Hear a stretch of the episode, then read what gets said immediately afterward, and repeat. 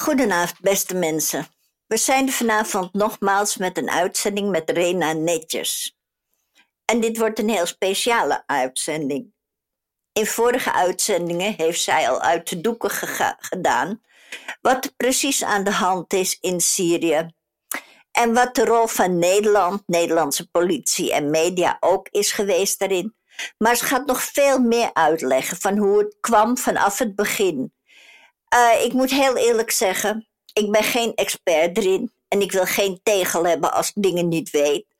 Dus ik laat alles Arena over. Ik zal zo hier en daar een vraag stellen om haar op weg te helpen. Maar luister naar het verhaal en schrik hoe iemand stuk gemaakt werd die de waarheid sprak. Nou, goedenavond Rena. Goedenavond. Fijn dat je weer bij ons bent, dank je wel. Ja, heel, uh, jullie ook bedankt. Leuk, altijd leuk. Altijd gezellig. En nou, ik heb best wel dingen meegemaakt, maar ik ben niet stuk hoor. nee, ze hebben geprobeerd je stuk te maken. Het is niet gelukt, gelukkig, want anders had je je verhaal niet kunnen doen. Uh, ik zou zeggen, Rena, begin bij het begin. Hoe is alles ontstaan en begonnen? Nou, dan um, begin ik inderdaad even bij het begin. Ik kwam dus in uh, 2014 uh, hals over kop uit Egypte en ik zocht een nieuw terrein waar ik um, stukken zou kunnen schrijven. En wel Arabische wereld, want ik heb zoveel jaren erover gedaan om uh, Arabisch te kunnen spreken en uh, te lezen en begrijpen en die media te kunnen volgen. Toen dacht ik Tunesië of Noord-Syrië. ik dacht, Syrië is nog een heel groot probleem. Toen ben ik in um, ehm, 2016, begin 2016, voor de eerste keer naar um, de Turk-Syrische grens gegaan. Dat was voor uh, eh, BNN-Vara Radio. En ik uh, kwam daar bij de grens. Ik het was de tijd van al die grote vluchtelingenstromen naar Europa. En ik wilde echt aan de achterkant van de, van de vluchtelingenstroom kijken. En er kwamen mensen druppelsgewijs de grenzen over, want Turkije had al behoorlijk de grens gesloten toen die tijd. Uh, dit is de grensovergang Baba Salama, dat is tussen Kiles, Zuid-Turkije, en Azaz. Um, Azaz is de, de, de stad van de brigade die door Nieuwsuur dan als jihadisten uh, uh, werd gerapporteerd. Niet alleen door Nieuwsuur, maar Nieuwsuur ook. Um, ik was er aan die grens en vrouwen kwamen over de grens. Ik vroeg aan hen, waarom ben je gevlucht? En wat ik dacht is, ze gaan zeggen uh, voor Russische bombardement of, of uh, het regime bombardement op Aleppo, want dat was aan de hand. Maar tot mijn verbazing zeiden die vrouwen, ehm, IPG-strijders hebben ons huis ingepikt. Ik dacht, wat? En dat is als, als voorbeeld van Ehm, hoe het telkens anders is als ik op de grond met mensen praat. En in westerse media werden ze toch wel echt als, als, ja, als, als de grote helden en engelen neergezet. Maar wat blijkt nou in dat gebied? Dat kwam dan stapsgewijs later achter. In 2016, begin 2016, hebben de Russen die stad Rafat onder Azaz. Uh, we zitten in Noordwest-Syrië. En Azaz is een hele grote stad en daaronder zit Tel en dan ga je naar Aleppo. Dus, dus die corridor van Aleppo naar, uh, naar de Turkse grens. Maar die Tel de, Russen hebben gebombardeerd, de bevolking is gevlucht. En toen die Russen stopten met bombarderen, wilden die bevolking terug, maar hadden inderdaad uh, eh, IPG-strijders dat allemaal ingenomen. En die mensen zitten, meer dan 100.000 uh, zijn gevlucht en die zitten grotendeels aan tenten aan de grens. En ik noem dit ook even omdat de Turken nu een militaire operatie willen doen naar, naar die stad waar dus IPG-strijders de hele Arabische bevolking, daar wonen geen Koerden, de hele Arabische bevolking heeft uh, verjaagd. En uh, het Westen staat op achterste poten op die operatie, maar toevallig deze operatie, ja, dat is eigenlijk een bevrijding van die stad, zodat al die mensen uit die tenten naar zit al daar sinds 2016 dat die gewoon weer terug kunnen. dus um, ik, ik, vertel dit ook uitgebreid, omdat ik telkens dus merk uh, dat, uh, dat, ja, dat uh, de grond toch wel even wat anders is dan oppervlakkig in westerse media vaak, helaas. En um, een tweede voorbeeld wat ik daar meemaakte. Ik, ehm, ik sprak met, met artsen daar. En vroeg ik aan die artsen, goh, ik zou graag wel met de militaire brigade uh, willen uh, spreken. Hebben jullie, ja, kunnen jullie iemand aanraden of wat dan ook? Gaven ze mij twee telefoonnummers en één daarvan, van, um, één daarvan was de commandant van Shamia. Die later dus heel groot in nieuws zou komen.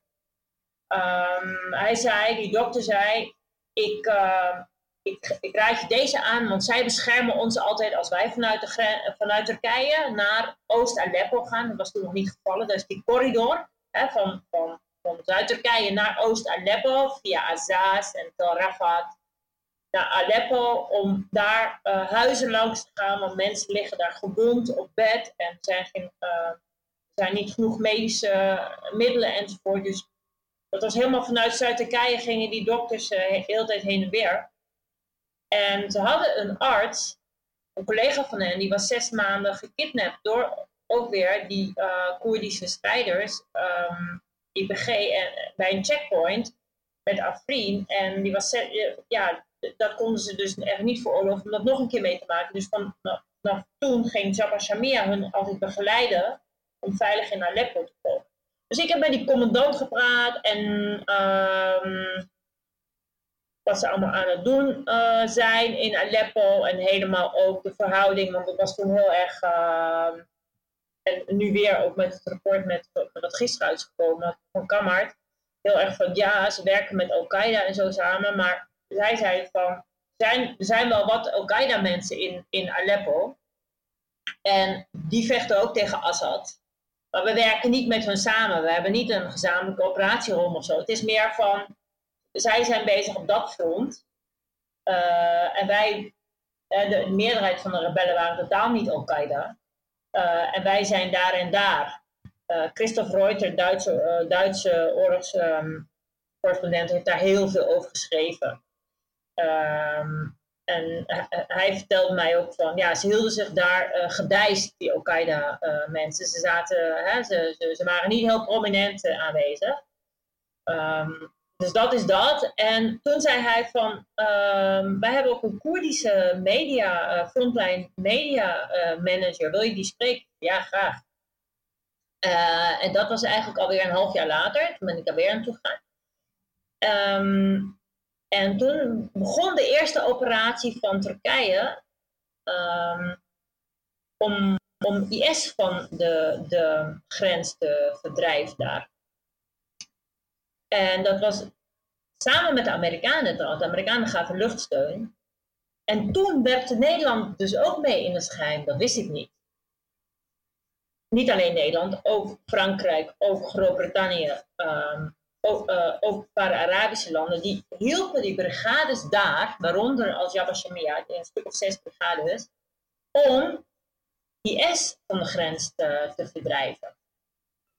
Ik uh, leg wel het hele verhaal op tafel. Uh, kunnen jullie mij... Ja, is goed. Ja, ja, ja, ja. Um, dus de situatie daar was dat er nog een corridor open was van Vrij Syrische legerstrijders tot aan Oost-Aleppo. Maar die werd continu vanuit het oosten aangevallen door nieuwe ladingen, totaal gedrogeerde, met heel veel wapens, um, IS-strijders. En die Koerdische um, frontline manager zei ook, wij smeken, de, wij smeken de internationale gemeenschap ons te helpen, want we houden nog stand. Maar hoe lang nog? Want heel veel mensen van ons mensen worden vermoord door IS. En IS brengt maar mensen en brengt maar zelfmoord uh, uh, aanslagplegers, weet je. Dat, ja, dus dat ging maar door. Um, de Amerikanen hebben wapendroppings gedaan in Maria, in die, uh, in die corridor. Maria ben ik, ik trouwens in oktober uh, voor het eerst. Dat is, dat is tussen Turkse grens en Aleppo. En um, die groep uit Azaz, de Noordelijke Storm, die heeft dus ook heel hard meegevochten om uh, IS daar te verdrijven. Want wat was er aan de hand? IS-strijders kwamen vanuit het oosten van Syrië via dat stuk naar Europa om aanslagen te plegen. En, en die aanslagen werden gepland in uh, Oost-Syrië, Raqqa vooral, maar ook Belgische en Franse strijders zaten in Al-Bab. Um, om, dus om dat allemaal te stoppen, dat die aanslagen zouden stoppen, wilde men natuurlijk gewoon IS verslaan. En dat is wat er gebeurt. En de steun die Nederland heeft gegeven, is dat niet, niet eens kogels of, of wapens of wat dan ook, maar een aantal logistieke zaken uh, om uh, IS te verslaan. En die hele context, die vertelde Nieuwsuur niet. En dat vind, ik, dat vind ik persoonlijk heel erg kwalijk. Deze mensen hebben tegen westerse jihadisten gevochten uit België, uit Frankrijk. Hebben er honderden mensen omgekomen. En nu ik er afgelopen jaren nog veel meer ben gedoken dan, dan, dan toen de eerste berichtgeving kwamen, hoor ik juist van iedereen dat uitgerekend als Shabba Shamia en uitgerekend die noordelijke storm van Azaz, dat die um, de eerste klappen van IS kreeg, want IS echt hen moest hebben. En dat zij als eerste um, tegen IS vochten. Zij leidden echt de strijd een stuk boven Aleppo, hè, Azaz en andere steden tegen IS. En dus... zij, vochten, al, al maandenlang tegen IS voordat IPG begon, maar zonder westerse camera's. Oké. Wil je even in de reden om het duidelijk te krijgen in het kort? Men noemde mensen jihadisten die het totaal niet waren. Ja, die, die juist, die juist uh, tegen eh, IS uit Azaz hebben, hebben verdreven. Met een, met een klein beetje steun. IPG, die, de Koerdische milities, hebben heel veel steun gekregen. Zij maar een klein beetje. Um, en, uh, maar ze hebben heel hard tegen IS gevochten. En IS komt daar ook niet terug. Mensen zeggen van ja, als een operatie, uh, nu militaire operatie op Tel Rafat komt, dan heb je kans dat de IS terugkomt. Nou, dat is helemaal onzin. Want uh, die rebellen daar hebben IS helemaal uh, verslagen. Uh, we kunnen alleen de, de, de IS-cellen in, het, in helemaal in het oosten, in het zuidoosten, daar is het gevaar. Maar de, daar gaat de Turkse operatie helemaal niet plaatsvinden als die al plaatsvindt. Um, maar dat is, ja, ik merk dat er dus zoveel misinformatie is, juist op Noord-Syrië, van mensen die pro-Assad zijn. Want uh, ja, laten we wel wezen, Hassan Haan heeft heel vaak geschreven in het verleden dat Assad moet winnen, enzovoort. En ook mensen die pro-PKK uh, zijn, of de Syrische tak van de PKK, die noemen dat die oppositiegebied eigenlijk allemaal jihadisten. Dat, dat is standaard, dat, maar het is wel heel goed, dus denk ik, om dan uh, daar, dat heb ik dan de afgelopen jaren gedaan, om heel goed in te duiken, want je gaat zelf ook twijfelen, goh, ja, misschien uh, zijn die white helmets wel uh, geleerd aan Al-Qaeda of wat dan ook. Maar ja, ik weet nu dat het echt onzin is. Het is een hele kwalijke propaganda. Maar het gros van de westerse politici valt wel voor de propaganda die uh, door die Koerdische militanten wordt verteld. Want die hebben dan echt een grote propagandamachine in het Westen. Dus daarom daarom hou ik me, blijf ik me met dit gebied uh, bezighouden. Want ik val ook van de ene verbazing in de andere verbazing dat gewoon heel veel berichten gewoon niet kloppen.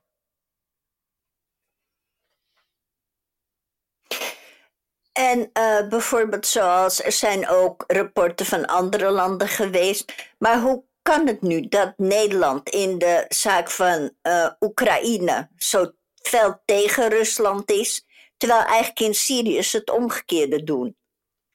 Nou, nee, in, in Syrië, eh, buitenlandse zaken, um, die heeft in Syrië is ook wel anti-Rusland. Um, ze hebben juist deze rebellen daar, in het noordwesten, hebben ze gesteund van, die zijn anti-Rusland. Maar je kan heel weinig tegen, eh, met, met, weet je, met, met jeeps en met wat kleding en met wat logistieke zaken en met wat voedsel kan je natuurlijk niet uh, tegen Russische vliegtuigen op. Hè? Dat is het probleem. Oud-ambassadeur Robert Ford heeft ook een, groot stuk geschreven. Hij zegt van, uh, ja, hij probeerde die rebellen dat ze, dat ze wel steun konden krijgen, maar Obama wilde het niet. En Obama was ook bang dat uh, lichte wapens in de handen van extremisten zouden vallen. En dan gaan natuurlijk altijd dingen fout, want, uh, want zegt grote uh, risico's. en dat, dat zal ook vast wel. Maar uh, wat, wat er daarna gebeurde is, en dat gebeurde in afgelopen oktober nog, dat die extremisten die krijgen wel wapens overal vandaan, die krijgen wel geld vandaan. Dus als die, als die andere oppositiegroepen niet gesteund worden, dan gaan die extremisten alsnog het hele gebied pakken. Dus een self-fulfilling prophecy noemt hij het. En dat is in Idlib gebeurd. In Idlib heeft um, die, die, die, die HTS, um, die offspring van Nusra, ja, um, gewoon in de volksmond noemen mensen nog steeds Nusra hoor. Er zijn wel uh, westerse rapporten die zeggen nee, nee, ze hebben zich verbeterd en zo. Maar ik, ik uh, gewoon uh, Syriërs noemen het nog steeds Nusra. Die heeft al die gematigde rebellen eruit gegooid. Hun uh, headquarters gepakt. En die probeerde vorige ma maand, in maart, net vijf dagen nadat ik er was geweest, die is Afrin komen binnenvallen. Uh, een paar dagen Afrin gepakt. En uh, toen stonden ze voor de outskirts of Azaz, wat een stad is van uh, bijna 300.000.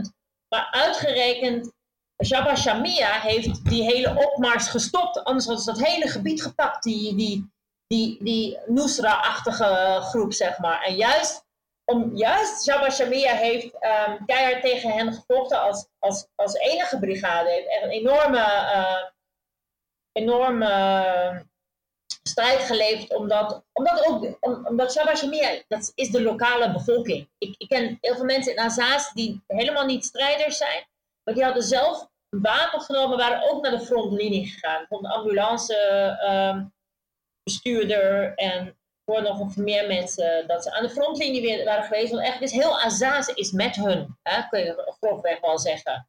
Ze willen die andere groepen niet. Dus um, zij hebben, hebben dus dit voorkomen. En daarom is het, ja, is het gewoon. Weet je, dus er zitten ook criminelen tussen en ook smokkelaars. Als je een groep hebt van 18.000 of zo, dan zitten er echt wel een paar mensen fout tussen. En, en op 18.000 kan je ook wel één of twee uh, salafisten hebben of een paar meer. Maar grosso modo, het, zijn gewoon, het is gewoon de bevolking uh, van die plaats. En um, ja, dan is het wel heel bitter als, je, als er honderden mannen uh, in de strijd zijn gesneuveld tegen IS. Dat, dan uh, komt Nederlandse media, jullie zijn zelf uh, jihadisten. Kijk, en dat is één ding, hè? Dat is één ding. Um, maar waar mij het vooral om gaat, is dat als gevolg daarvan zowel de Nederlandse overheid als de Duitse overheid de steun aan dit gebied heeft gestopt. Aan pro-democratie-NGO's, aan de White Helmets, alles. En dat heeft heel groot effect gehad. En je moet nagaan, dit is een klein gebied, maar daar zitten bijna 5 miljoen mensen en het groeit elke dag, op dit moment ook. Uh, het groeit elke dag en er zitten heel veel tenten, er zijn niet genoeg huizen. Kijk, wat, wat wil je nou als Westen? Hè? Als dit bijna 5 miljoen is, deze mensen vluchten voor het Assad-regime. Als, als dit gebied door zijn hoeven valt, ja, dan gaan, komen die mensen toch naar Europa. Dus dat wil je ook niet. Dus wat wil je nou? Dus, maar um, voor Assad-mensen uh, willen dat dit gebied gewoon weer uh, aan Assad valt. En er zijn continu uh, nog bombardementen aan, aan, aan, aan, de, aan de grenzen van dit gebied. En, en die, die frontlinies zijn heel dichtbij. Um, dat, dat, dat, is mij wel duidelijk. Toen, toen ik er vorig jaar voor het eerst in, die frontlinie zit maar drie kilometer of zo van de stad. Weet je? Dat is niet 20 of 30 kilometer verderop. Dat is gewoon echt heel dichtbij. En je hoort Vlak voor de deur. Ja, dus um, wat, wat, wat, kijk, wat, wat uh, Nieuwsuur is, uh, ik zou zeggen, gefeliciteerd Nieuwsuur en politici. Jullie zijn er helemaal in geslaagd om alle support voor dit gebied uh, door te zagen ze nou, ik krijg helemaal geen support meer, omdat jullie um, politici bang hebben gemaakt. Ja, misschien steunen wij inderdaad wel jihadisten. Ik hoor van Duitse NGO's dat de Duitse ehm, regering bang is geworden. Dat ze zeggen, ja, misschien steunen wij wel jihadisten. Dus die hebben ook alles gestopt. Nou, wat dat betreft helemaal prima gelukt. Maar dan denk ik van, ja, dat, dat, zo, zo werkt het dus niet. Dan gaan we dat wel uh, eventjes uh, aankaarten. Want ik begon over die Koerdische frontlinie-manager van de Shabashimia, waar ik dus ook mee sprak. Die vroeg aan mij op een gegeven moment, want ik nam met hem alle frontlinies door. Ibo Masoud heet hij. Ik vroeg aan hem, um, oh ja, hij vroeg aan mij, zou je misschien anders uh, gewoon met, um, maar geheim mag je er niet in typen, zou je anders in een WhatsApp-groep willen met strijders en lokale journalisten en lokale activisten? Dan kan je per dag in Amsterdam, als je even terug in Amsterdam, is 2016, september 2016, dan kan jij de strijd gewoon helemaal volgen. Ik zeg, nou, dat wil ik wel. Ja, en toen heeft hij mij erin geloodst, zoveel vertrouwen had hij dus in mij. Um, maar ik mocht er niet in typen, hè, want ik zou gelijk door de man vallen dat ik niet dat lokale dialect type en zo weet je. Dat, uh, uiteindelijk heb ik in Amsterdam één keer, want ik zit in meerdere groepen, heb ik één keer per een vraag gesteld. En die groep was gelukkig wel hartstikke Syrisch, niet Egyptisch of zo. Maar toen had ik hem gelijk aan de telefoon. Uh, wat doe je nou? Ik had toch gezegd dat je niet moet typen. En, uh, ik zeg sorry, sorry, sorry. Maar gelukkig had verder niemand door. Maar um, die, die WhatsApp-groep heb ik nog steeds. Ik heb een heel archief van, van oktober 2016 af tot aan nu. Waar ze aan het vechten zijn. Die WhatsApp-groep is nu niet meer actief trouwens. Maar toen wel heel erg. Dus ik zag, ze waren dorp aan dorp aan het bevrijden van IS. Ze waren heel blij. En ik zag ook een video geplaatst. Op een, uh, ik ging bijna slapen. Was een, heel laat de avond, ik weet het nog. In Amsterdam. Van een kreeg van een groepje mannen. Die zei, jongens, geef ons alsjeblieft ammunitie. We zijn nu omcirkeld door IS, de ergste oosten van Azaz. Alsjeblieft, kom ons helpen, kom ons helpen. En later, de volgende dag hoor ik dat die mannen allemaal zijn vermoord. Weet je, dus en dan, en dan, en dan hoor je van Nieuwsuur dat het zelf uh, jihadisten zijn. Dat is een groep van, uh, van de Shabba Shamia. En ik heb, uh, toen het nieuws naar buiten kwam, want ik was nooit van plan om dit gewoon te zeggen, want dit, dit is wel een fantastische infobron voor mij. Um, die anderen wisten niet dat ik erin zit, alleen die Koerdische manager. Um, ik heb het nieuws meteen aangeboden, daags na de uitzending op de radio, van ik heb dit en jullie mogen, uh, nou, kom maar op, dan kunnen jullie dit inzien. Maar wat doet Nieuwsuur? Die bellen al, al mijn opdrachtgevers op uh, dat ze mij niet in de uitzending uh, laten of dat ze, dat ze mij geen stukken laten schrijven.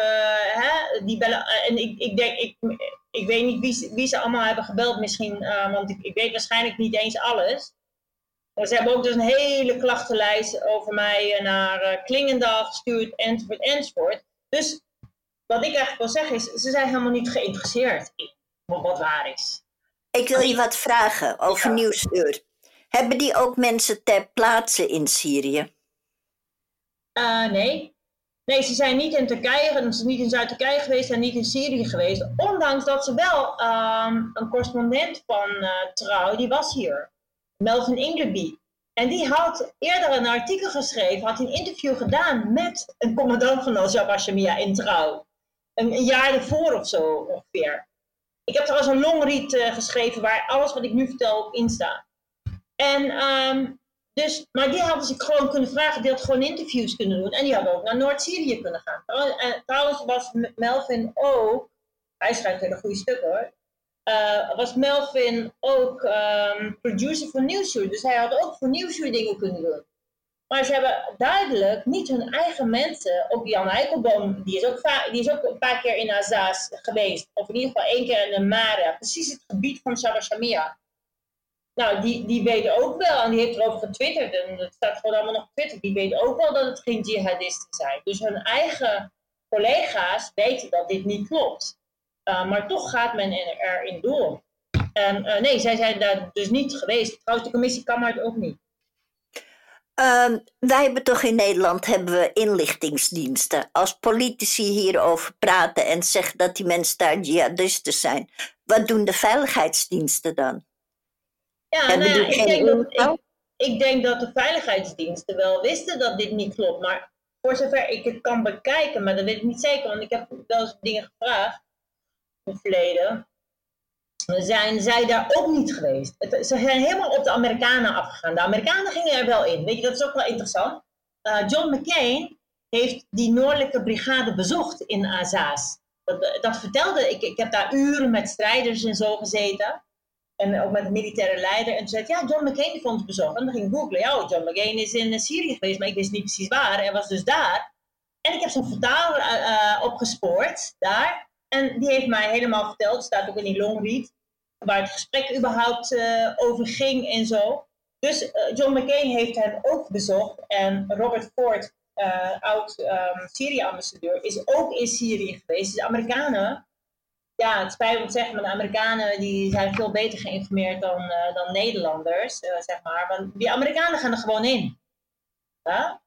Ja? Uh, Nederlanders zijn, ik denk Nederlandse geheimdienst ook niet zo slecht is, geven meer. Maar die gaan er niet in. De Nederlandse diplomaten gaan, voor zover ik weet, de Nederlandse diplomaten gaan er ook niet in.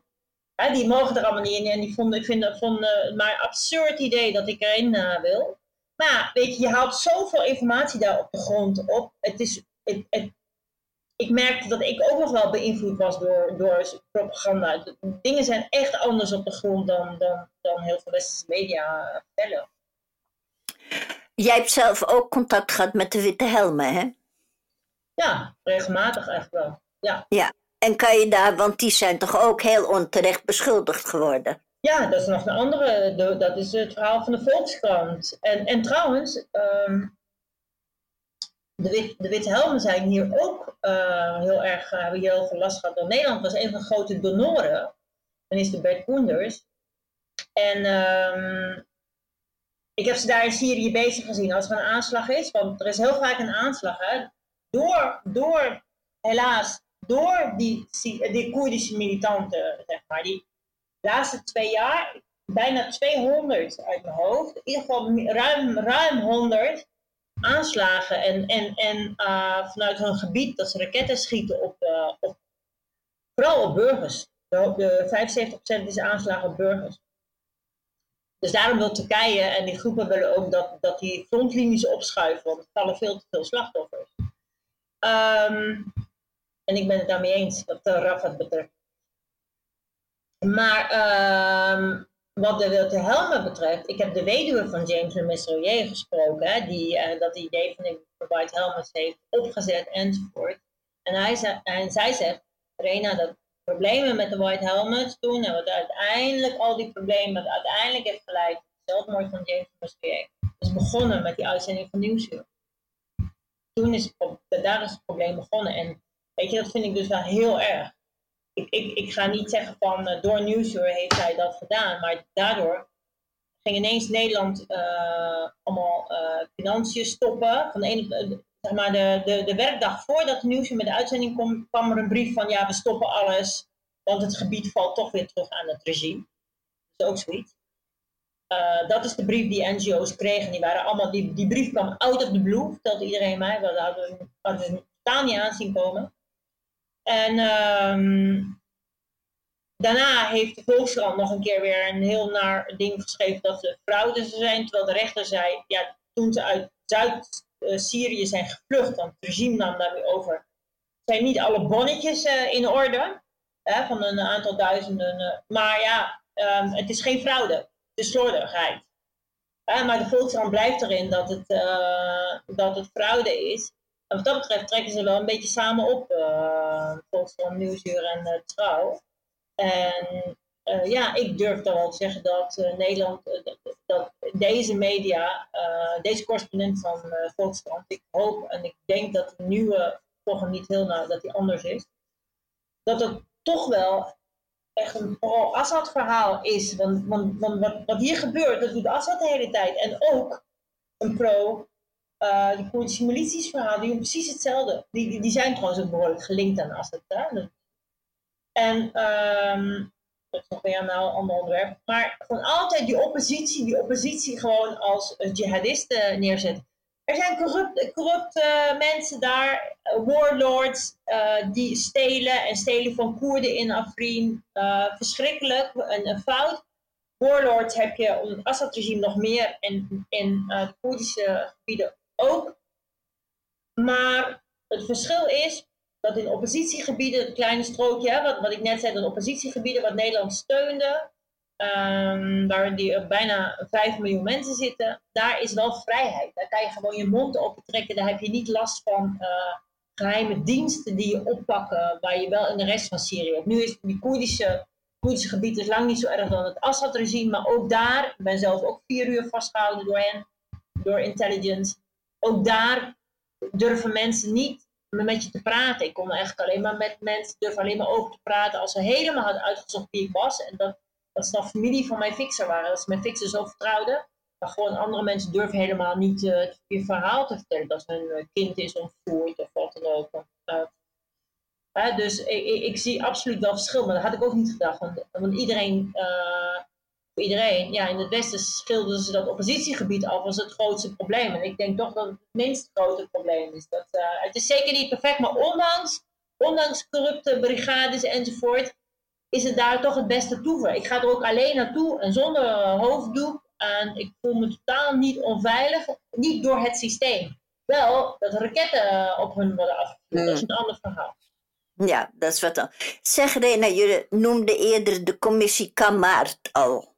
Ja. Eh, dat is commissievoorzitter generaal-majoor de Mariniers Buitendienst PC Kamaart. Kan jij daar iets over vertellen? Ja, ehm, CDA vooral. Omtzigt. Pieter Omtzigt was toen nog eh, CDA-lid. En Martijn van Helvert, die hebben er echt op aangestuurd. Martijn van Helvert, ik niet vergeten, die schreef in ehm, januari 2021 een groot stuk in NRC van eh, Rutte steunen in het geheim jihadisten. En die hebben echt aan, eh, op aangestuurd dat er een, ehm, een commissie zou komen om dit te onderzoeken. Nou, we mogen dankbaar zijn, want die commissie heeft dat hele verhaal onderuit gehaald. Ehm, maar eh, zoals Jan Jaap en ik schreven in een persverklaring gisteren, ja, het is wel zonde dat er weer heel veel geld tegenaan is gegooid. Wij riepen dit al vier jaar en we hebben dat echt, we hebben zelfs een website ervoor opgetuigd om uit te leggen, stap voor stap, mensen die niet zoveel van Syrië weten, om het uit te leggen waarom niet.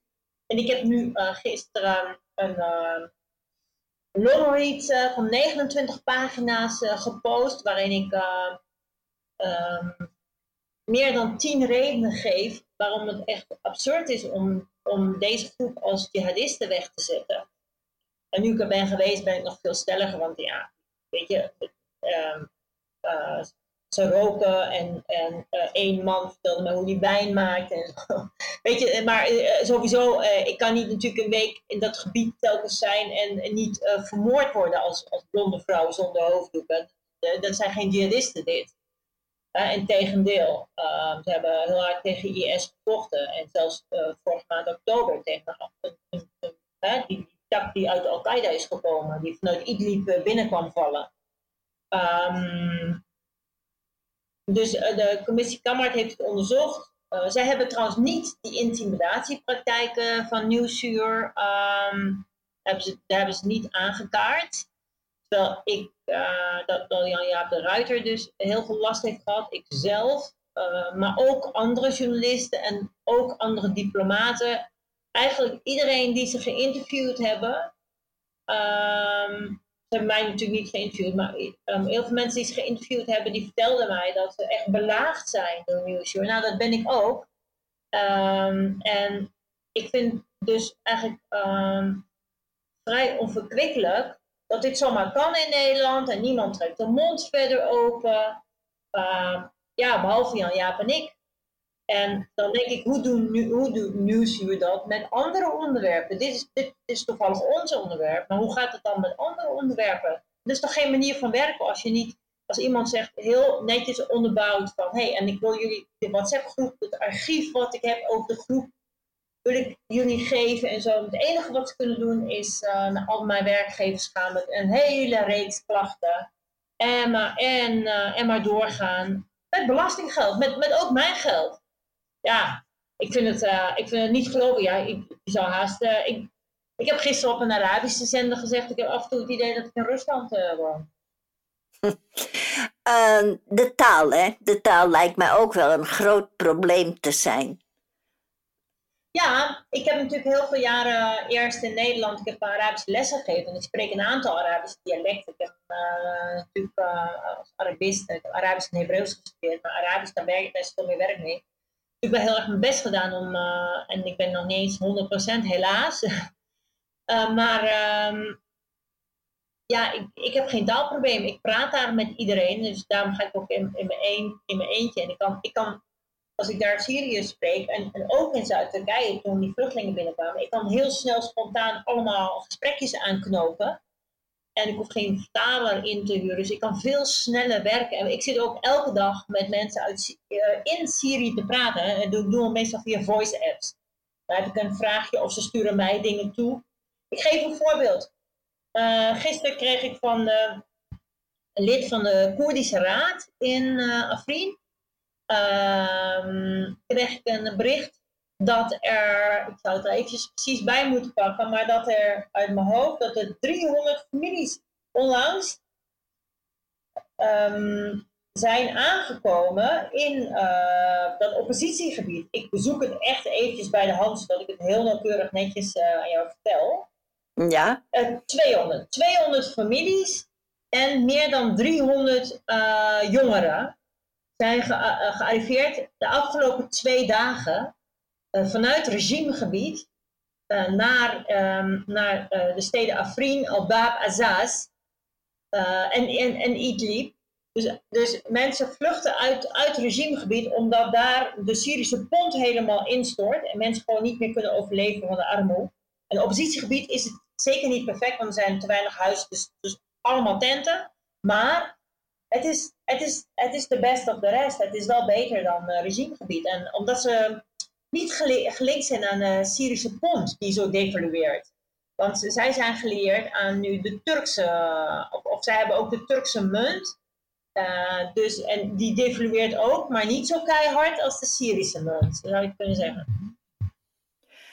Maar naar jouw idee, wat wil Nederland nu eigenlijk? Nou ja, weet je, wat mij betreft, iedereen, uh, of, of, iedereen, en mensen feliciteren mij met uh, eindelijk erkentenis. Ja, ik vind het heel aardig, heel aardig dat mensen dat doen. Maar ja, ik, ik, ik, ik wist in 2016 al dat dit geen uh, jihadisten zijn. Ik heb alleen, ik heb alleen uh, ja, respect verloren voor hoe het gaat in Nederland met journalistiek. Ik ben gestopt. ik schrijf voor Amerikaanse podia nu. Hè? heel af en toe nog een stukje NRC of zo. En, en, en jullie trouwens respect, want jullie opereren op een hoger niveau qua Syrië. Ehm, jullie wel. En dus af en toe, dus er zullen ook zeker nog wel uh, andere media zijn die heel goed zijn. Uh, Telegraaf natuurlijk een heel goed stuk. Hè? Gisteren. Ja, dan moet je gewoon toegeven. De Telegraaf doet het beter. En dat, dat gewoon toegeven, de Telegraaf doet het gewoon beter. Want ik weet dat die correspondent van de Telegraaf ook een beetje Arabisch kan. Hij heeft toch meer affiniteit met het Midden-Oosten. Dan, dan, dan de hoofdredactie van Newsyear. Um, dus um, nu ben ik even je vraag uh. Herhaal hem nog even. nou, ik kom ook niet meer, want we hebben zoveel okay, woorden. gaan we gewoon door. we gaan door. Um, jij bent heel vaak in Syrië, ook op bruiloften en je danst ermee. En jij hebt direct contact met mensen op de grond. Is het ook niet zo dat anderen, die krijgen alles uit tweedehands? Hè? Dus uh, uit de mond van iemand anders die dat dan weer vertelt. En zou het ook niet kunnen dat daardoor een hoop van de waarheid verloren gaat? Ja, dat denk ik wel. Uh, ik merkte dat ik zelf ook uh, nog wel beïnvloed was door, uh, door propaganda van die, die, die, Syrische tak van de PKK. Laat ik ook eventjes meteen vertellen. De meerderheid van de Syrische Koerden is helemaal niet met hen. Want ze ontvoeren kinderen en ze, ze, ze verdrijven Arabieren dan, maar ook Koerden die niet met hun eens zijn. Ze zijn natuurlijk niet, ze zijn niet zo slecht uh, als het Assad-regime. Komt ook omdat ze geen vliegtuigen hebben.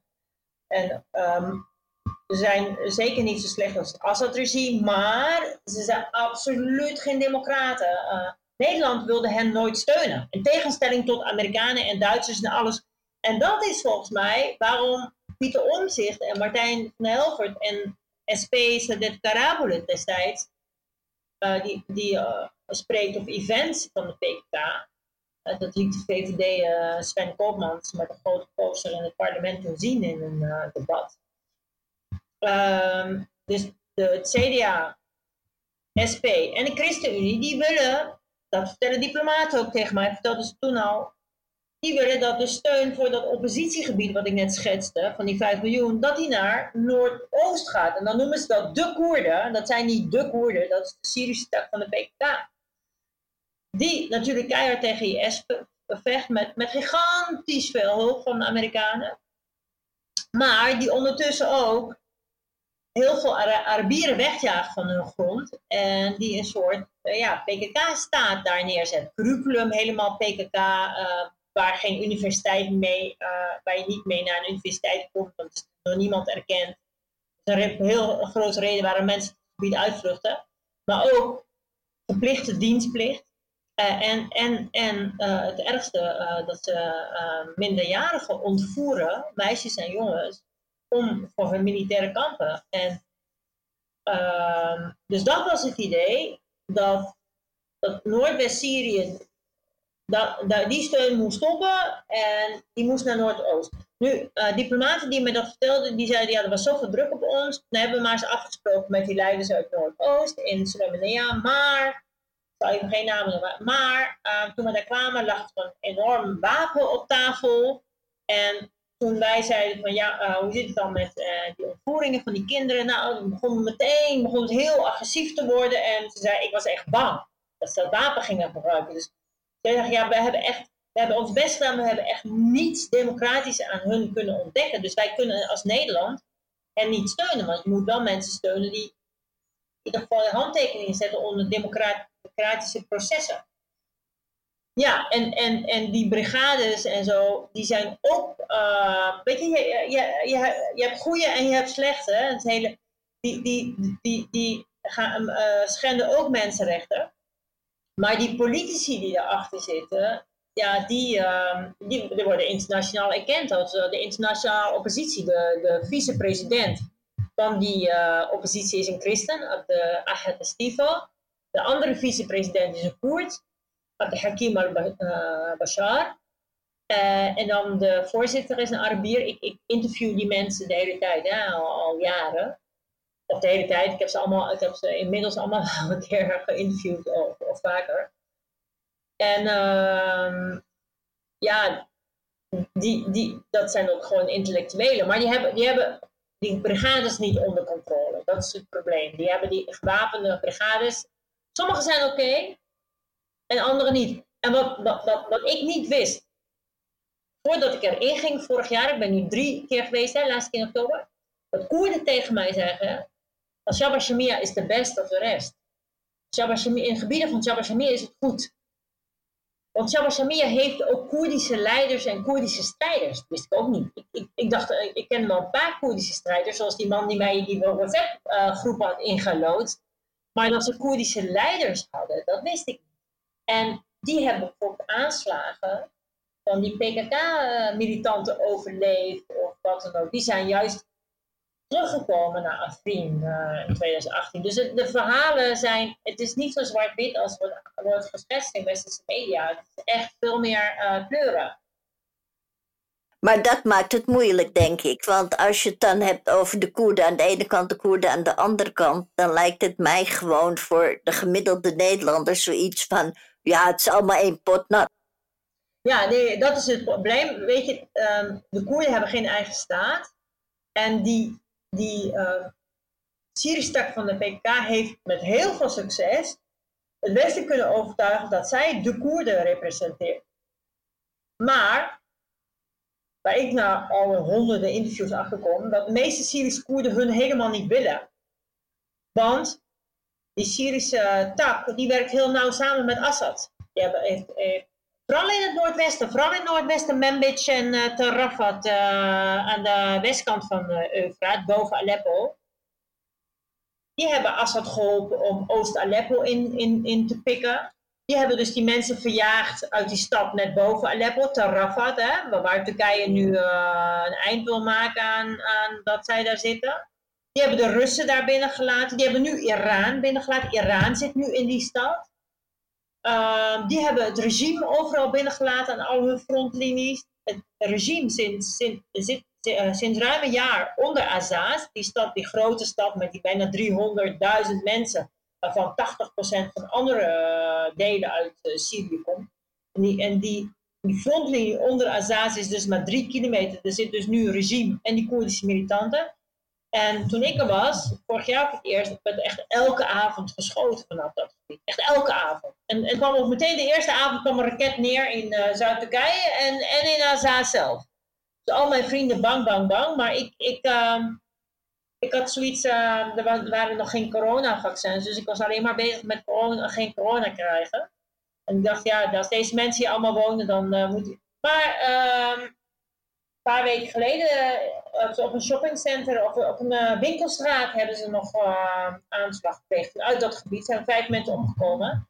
En wat En wat ik net al zei, ongeveer 200 aanslagen op, op burgers vooral, vanuit het gebied. Maar niemand in westerse media heeft het erover.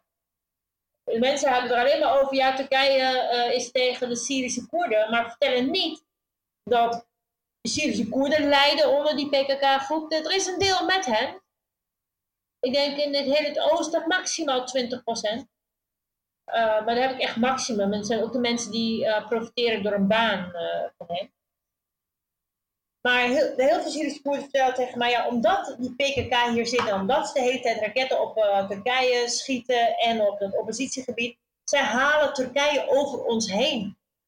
Zij, zij, zij um, dagen Turkije uit om te komen. In hun media gaat het ook de hele dag over Erdogan en over Turkije. Um, toen vier uur werd vastgehouden uh, daar in, in Noordoost, toen wij vier uur werden vastgehouden, zat ik dus in een kamer met hun tv-station. En het was gewoon de hele, dat was op zich heb ik dan mijn tijd nog goed gebruikt dat ik vast had.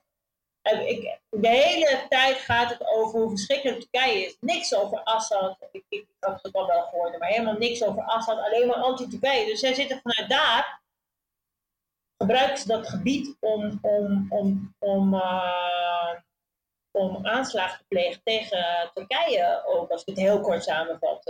Uh, wat, wat, ik net al, ook al zei, hè, ik, uh, dat die Tarafat in dat westen, waar, waar zij dus in 2016 al die bevolking hebben verjaagd, uh, dan hoor je nu mensen zeggen, ja, oh, uh, militaire operatie in dat Rafah, dat kan helemaal niet, want voor de Koerdische bevolking wordt verjaagd. Nee, daar wonen helemaal geen Koerden, dat is Arabisch gebied. Je, je moet het per gebied bekijken. Afrin is Koerdisch, maar daarnaast is het een heel groot stuk Arabisch. En die Koerden wilden al die Arabi Arabische plaatsen, willen ze allemaal hebben, een hele strook maken aan de, aan de noordkant van Syrië al die Arabieren, waar moeten die heen? Die moeten allemaal naar tenten dan aan de grens met Turkije of die moeten Turkije in. we praten echt uh, over honderden duizenden. Dus Turkije en die Arabische brigades, die hebben daar een stokje voor gestoken. Die hebben ook nu gezegd, omdat heel veel jongens hebben dat tegen mij gezegd en mannen, we waren, wilden nooit Afrin ingaan. Dat was helemaal niet ons plan, maar, maar het was nu oorlog. Want, want ze pakten stad na stad en we moesten gewoon dit dit, dit PKK-regime gewoon nu stoppen. Stoppen, ja, logisch. Dus dat is het verhaal. En dat is heel anders hè, dan in Westen media. Zeker. Ja. Ik wil je nog wat vragen. Er zijn een aantal redenen waarom Al-Jabba al-Jamia geen jihadisten zijn. Zou jij er een paar kunnen geven? Ja, en ik wil ook nog even zeggen dat ik wel tegen, uh, dat ik zeker tegen een uh, militaire operatie op Kobani ben. Want daar heb je meestal Koerden. En ja, dan, dan, uh, dus dan zou de bevolking wel moeten vluchten. Dus daar ben ik tegen. Maar van Rafat zijn de Arabieren verdreven. Dus dat is een heel ander verhaal. 180 graden anders. Um, ja, nou, uh, wat ik al zei, uh, senator McCain heeft hun bezocht. Uh, ik heb zelf inmiddels zoveel leiders gesproken. Ik, ik heb, zelfs kwam ik erachter dat een van mijn twee gastgezinnen, Azaz, dat de man ook lid was van Bashamia. Dus ik logeer daar gewoon en ik zat met zijn dochter te dansen s'avonds. Zij houden van dansen en ze horen heel snel dat ik wat Egyptisch spreek. Dus gooien ze allemaal Egyptische muziek op, daar houden ze van. Um, in... Um, in um, Afrin heb ik ook een Koerdische leider. Daar ben ik ook twee dagen in een gastverblijf geweest. Want we wilden diep in Afrin allemaal dorpjes uh, bezoeken. En dan was het handiger dat, dat ik daar uh, bleef, twee dagen. Um, zij werken juist samen uh, met het Westen. Ze wilden heel graag steun van het Westen. Ze hebben wel wat steun van het Westen gehad. Kijk, jihadisten gaan niet met Nederland samenwerken. Dat, dat, dat, dat, dat nieuws je ook niet dat ook niemand dacht toen die tijd van ja, jeetje, jihadisten vinden het leuk om steun van Nederland te krijgen. En die gaan op tv vertellen, dankjewel Nederland dat je ons hebt geholpen. niemand, niemand dan even de helderheid van geest had, ja dat doen jihadisten toch niet. Dus iedereen papagaait elkaar na, behalve NRC en de Telegraaf.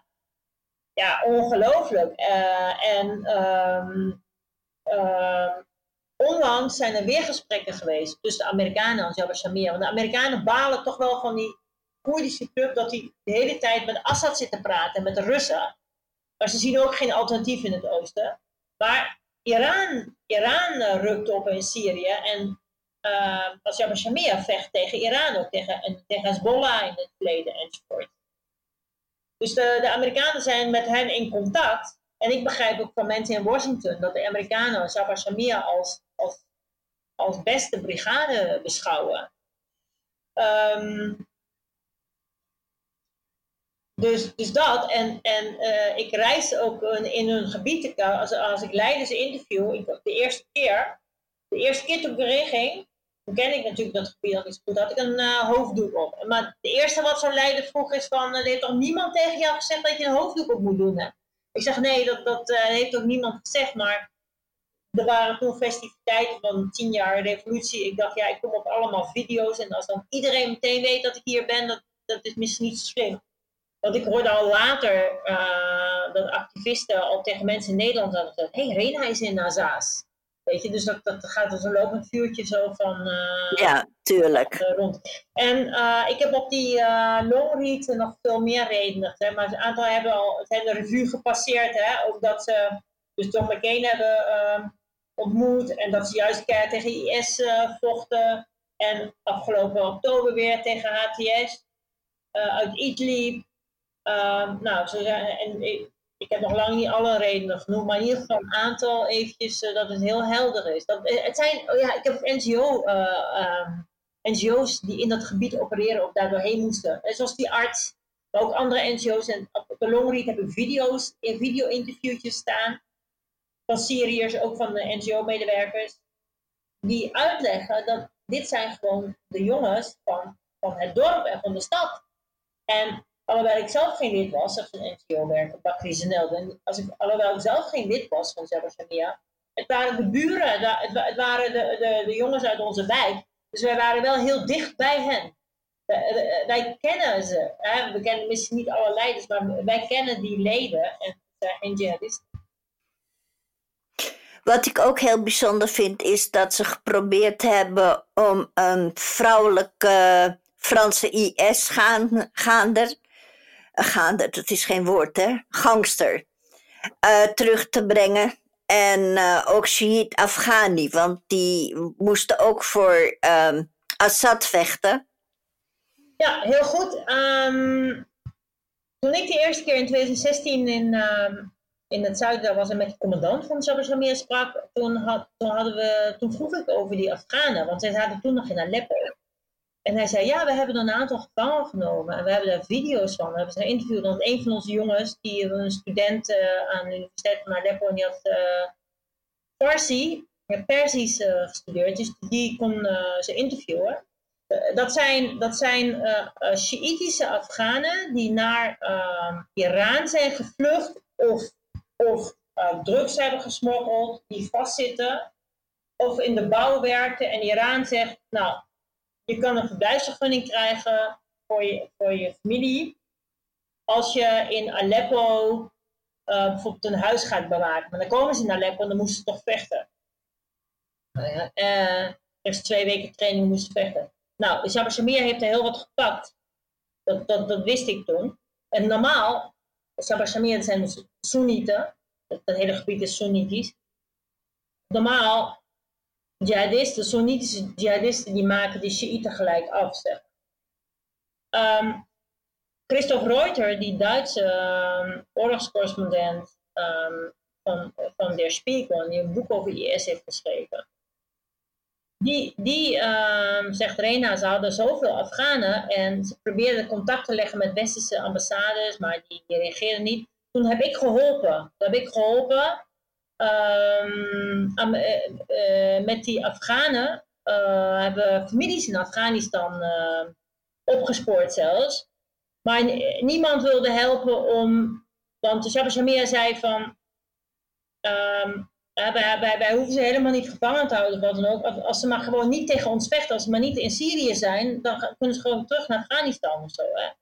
Maar niemand wilde hun helpen. Uh, en hij vertelde dus ook dat, uh, dat ze een Française, want uh, via dat gebied, ze hebben, ze heel veel mensen opgepakt die op weg waren naar IS. Ze hebben ook heel veel journalisten gewaarschuwd, ga er niet heen. Um, twee Japanners die later zijn, meteen zijn vermoord toen ze er toch naartoe gingen. Bijvoorbeeld. Ehm, toen hebben ze een Française die ook op weg was naar IS of naar uh, Al-Qaeda-gebied hebben ze eh, gepakt. En uh, contact gezocht met de Franse ambassade, maar die reageerde niet. En toen heeft Christophe hen geholpen en die heeft toen de Franse ambassade gebeld. En toen wilde die een teken van leven van haar, hebben ze een video opgenomen naar de ambassade gestuurd. En uiteindelijk is zij overgedragen aan de Fransen bij de grens. Uh, ik denk ook dat dit ook een beetje schetst de kloof tussen Westelingen en zoals die groepen, weet je. Als je geen de taal niet kent en kent die mensen niet, dan, dan, dan denken westerse ambassades, ja, wat zijn dat voor mensen? Ik denk dat dat ook meespeelt allemaal in Nederland, waarom dat, dat verhaal van Nieuwshow niet gelijk gedebunked is door iedereen. Omdat iedereen denkt, ja, ik weet het niet. Ik, ik heb, ik heb een verhaal gestuurd naar, ik zal even de naam niet noemen, naar een, een heel goed journalistiek platform. Maar ik kreeg van de hoofdredactie Irena, wij, wij kunnen niet beoordelen wat, wat, wat waar is. Weet je, en dat is mijn probleem in Nederland. Dat, dat het niveau niet hoog genoeg is. Te weinig mensen met hoog niveau die dit kunnen beoordelen. Dus ik, ik, dat, dat is in Amerika anders. Veel groter en zo. Nou, ja. Ik denk ook, Rena, omdat jij er 100% in zit. Een van de eerste afleveringen bij ons, daar ging het hier al over. En jij bent gaan spitten, spitten, spitten. Jij bent gaan ondervragen. Je hebt mensen geïnterviewd, met mensen uh, vriendschappen aangegaan. En wat er hier aan de hand is, is dat het gebruikt wordt als een soort klein bijstukje. Het is van een groter geheel een onderdeel, maar het is niet iets waar men echt diep in gaat, zoals jij.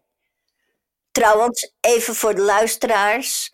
Rena Netjes heeft het meeste van al dit onderzoek zelf bekostigd. Dus zij heeft totaal geen steun gehad van niemand hierin. Ja, dank je. Het, uh, dat, dat breng je me op het volgende.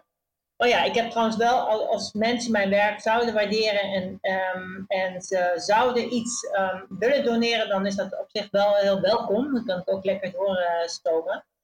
Um, kan het wel uh, uh, gebruiken op zich. maar uh, is een heel groot onderzoek, WOP-onderzoek gestart. En ik heb Um, ik wil die vragen gewoon hebben. Ze hebben hele vragenlijsten naar buitenlandse zaken gestuurd, want zij denken, dat, dat, daar kwam Klingendaal achter, directrice van Klingendaal heeft me dat verteld. Zij denken dat buitenlandse zaken mij financiert om uh, te, te, schaden, zoiets. Dat buitenlandse zaken daarom mij bij Klingendaal had neergezet en, uh, enzovoort. Terwijl de waarheid is dat zo'n reisje naar Syrië kost me haast niks. Um, nou, laat ik zeggen maximaal 400, 500 euro. Want ik zit in, uh, in uh, Istanbul. Ik heb de, de ticket naar Gaziantep. Inmiddels heb ik daar ook vrienden. Daar eerst niet, dan uh, boek ik een voordelig hotelletje. Maar du moment dat ik aan de grens ben, heb ik nu allemaal zoveel contacten. En mensen weigeren echt iets aan te nemen. Het enige wat mij eh, dat in Syrië kost een week, is dat ik gewoon cadeautjes voor, voor de gastgezinnen meebreng. en, maar iedereen staat me bij en niemand uh, wil ook maar iets. Ze zijn zo blij dat ik daar kom en zij ervaren wel een beetje dat ik, dat ik uh, ook hun stemmen naar buiten breng. En, dat, en, dat, en daardoor voel ik me ook wel verantwoordelijk om, om dat zo ook te doen. Weet je, dat, dat als, als dan westerse media zeggen, ja, dat zijn allemaal jihadisten. Ja, hallo jongens, hallo, dat, dat zijn allemaal mensen die gevlucht zijn. Het grootste deel is gevlucht. En dan heb je de lokale, die juist keihard tegen IS hebben gevochten. En ook mensen die gevlucht hebben tegen IS gevochten trouwens. Maar um, Samia is, is een lokale brigade. Dus weet je, er is zoveel onrecht uh, daar. En um, ook, wat Koerden is aangedaan. Um, dat heel veel kinderen zijn uh, gekidnapt. Ik ga trouwens daar, um, daar ook verder nog uh, induiken. Hè, want er zijn echt, echt veel aantallen. En dan, en kom ik wel westerse journalisten tegen die zeggen, nou, het is wel Turkse propaganda, dus dit en dat. Nee, ik heb, ik heb ouders, allemaal wanhopige ouders en familieleden geïnterviewd. Dat is dus geen propaganda. Maar ik, ik denk wel inderdaad, wil je zo stellig kunnen, dingen kunnen zeggen zoals ik inderdaad doe, ja, dan vereist het wel een paar jaar onderzoek. En dat kan bijna niemand, maar dat heb ik dan toevallig wel gedaan. En daarom trek ik mijn mond ook open. Waarom doe ik het ook? Ik wil niet dat in Nederland Russische propaganda, Assad-propaganda en eh, ehm, het het zeggen heeft. Niet in het parlement, wat, wat Pieter Omzicht deed, uh, zeg maar, hè, dat Nederland jihadisten had gesteund. Niet in uh, mainstream media. Newsuur is denk ik de belangrijkste bron qua achtergrond voor mensen. En als die zo vastbijt in fake news, hebben ze notabene te tegel voor gekregen en allemaal andere prijzen. Ja. toen heb ik toen met de eerste prijs heb ik ook uh, opgezegd in Nederland hoor. Dan denk ik, ja, de jury heeft geen idee. Dus waarom zou ik me nog inspannen? Ja, nee echt. En um, dus ik, ik doe dit ook uh, om de Nederlandse. Want ik denk wel eens, ik ga gewoon stoppen lekker. Ik, uh, ik ga een bedrijfspand verkopen in Amsterdam. Dan koop ik mooi huis in zee of zo. Maar ik, ik doe dit ook omdat er als Nederlandse heb ik natuurlijk heel genoten van studies en alles en alles.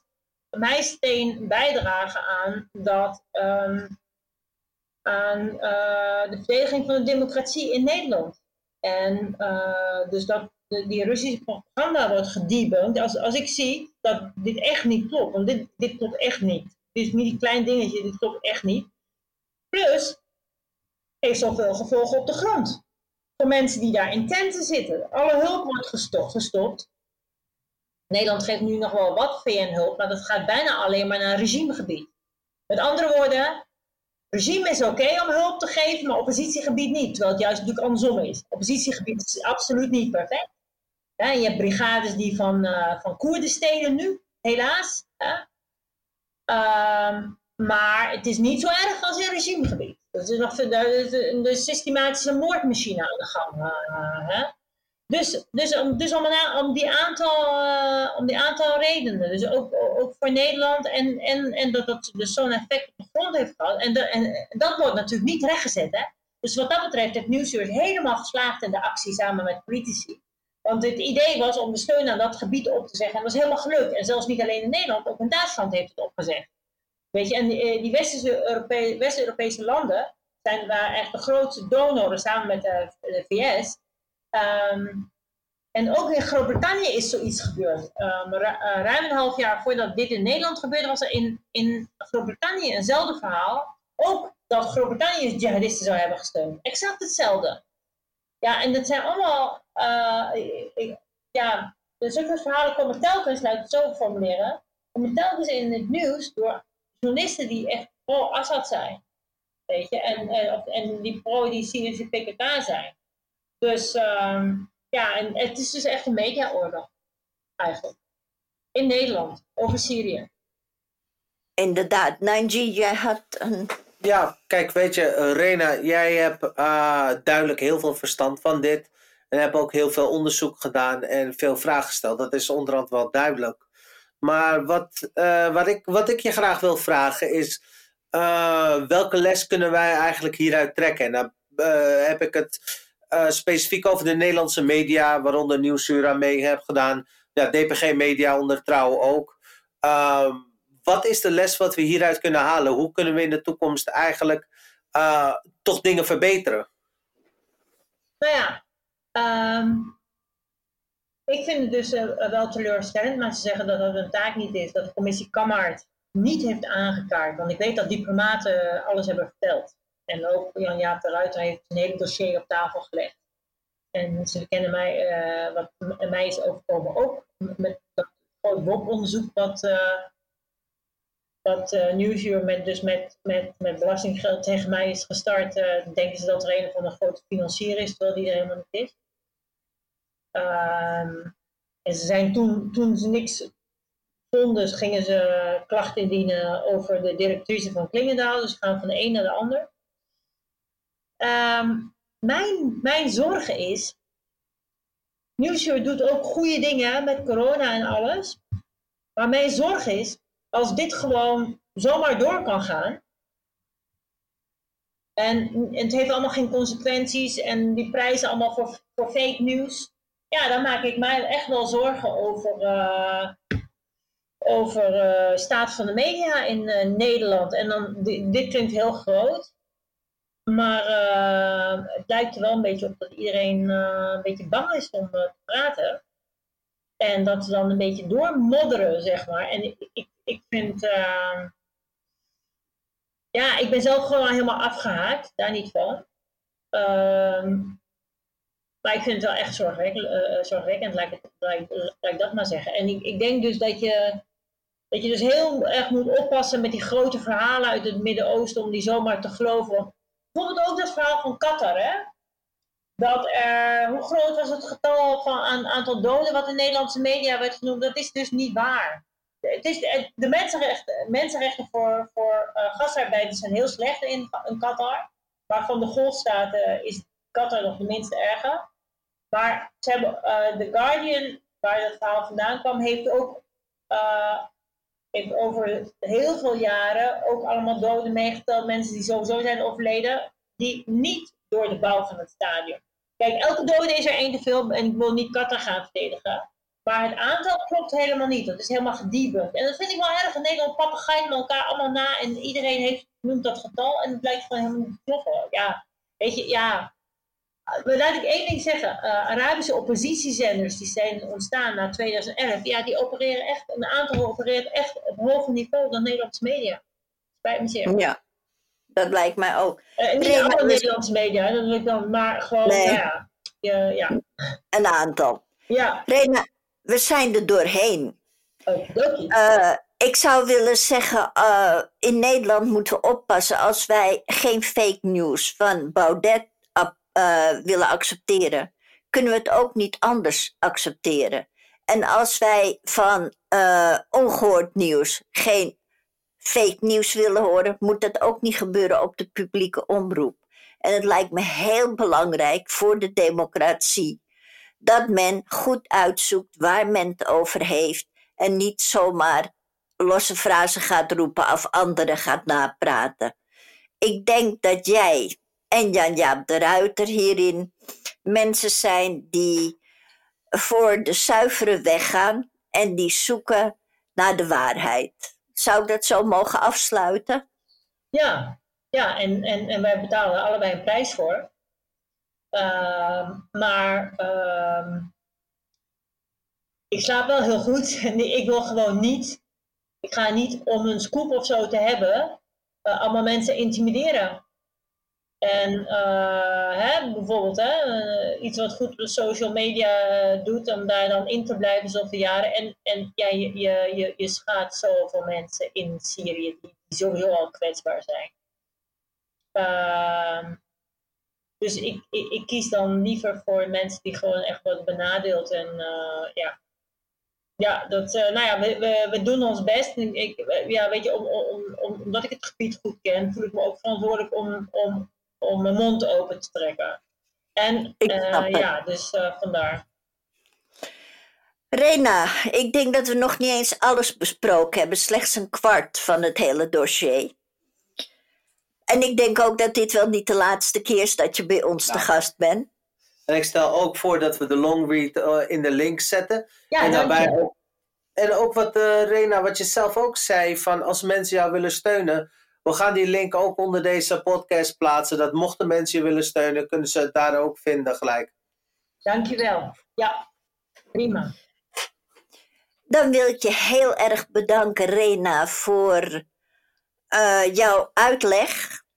En voor de tijd die je genomen hebt om bij ons te zijn. Wij hebben jou aan het woord gelaten. En waarom? Omdat wij er ook niet veel van weten. En het lijkt me heel belangrijk als je wat over dingen zegt, dat je dan wel heel kundig bent. Ja. Dus. Ik kom niet verder dan uh, Wahed Vloes en Hamara, maar daar, daar blijft het ook echt bij. ah, dat uh, klinkt wel goed trouwens. ik weet dan iets meer over de politieke situatie door, Rena. Maar ik zou zeggen, Rena, we zien je nog wel een keer bij ons verschijnen, neem ik aan. Ja, nee, ik, ik, ik dank jullie voor, uh, voor de mogelijkheid. En ik denk uh, dat het verhaal uh, toch gisteren weer heel veel stof heeft opwaaien. Dat voor degenen die echt even denken van hoe zit dat nu allemaal? En je kunt, uh, doe ik zelf wel met podcast, kan je gewoon lekker een workout doen of zo en toch podcast luisteren, weet je. Ja. Eh, Vooral podcast is wel handig, hoef je niet eh, alles neer te leggen, zeg maar. Exact.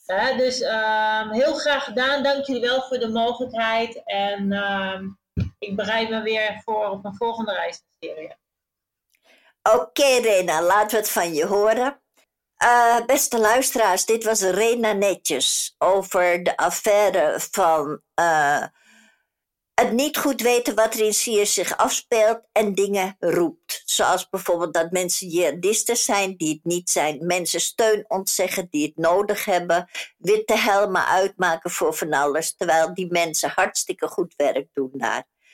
Ik hoop dat u hier wat van opgestoken hebt en ik hoop u volgende keer weer terug te mogen begroeten als luisteraar. Onderwerp weten we nog niet.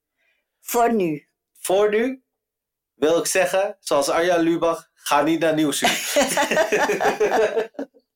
Iedereen nog een fijne avond, fijne feestdagen en een goede jaarwisseling.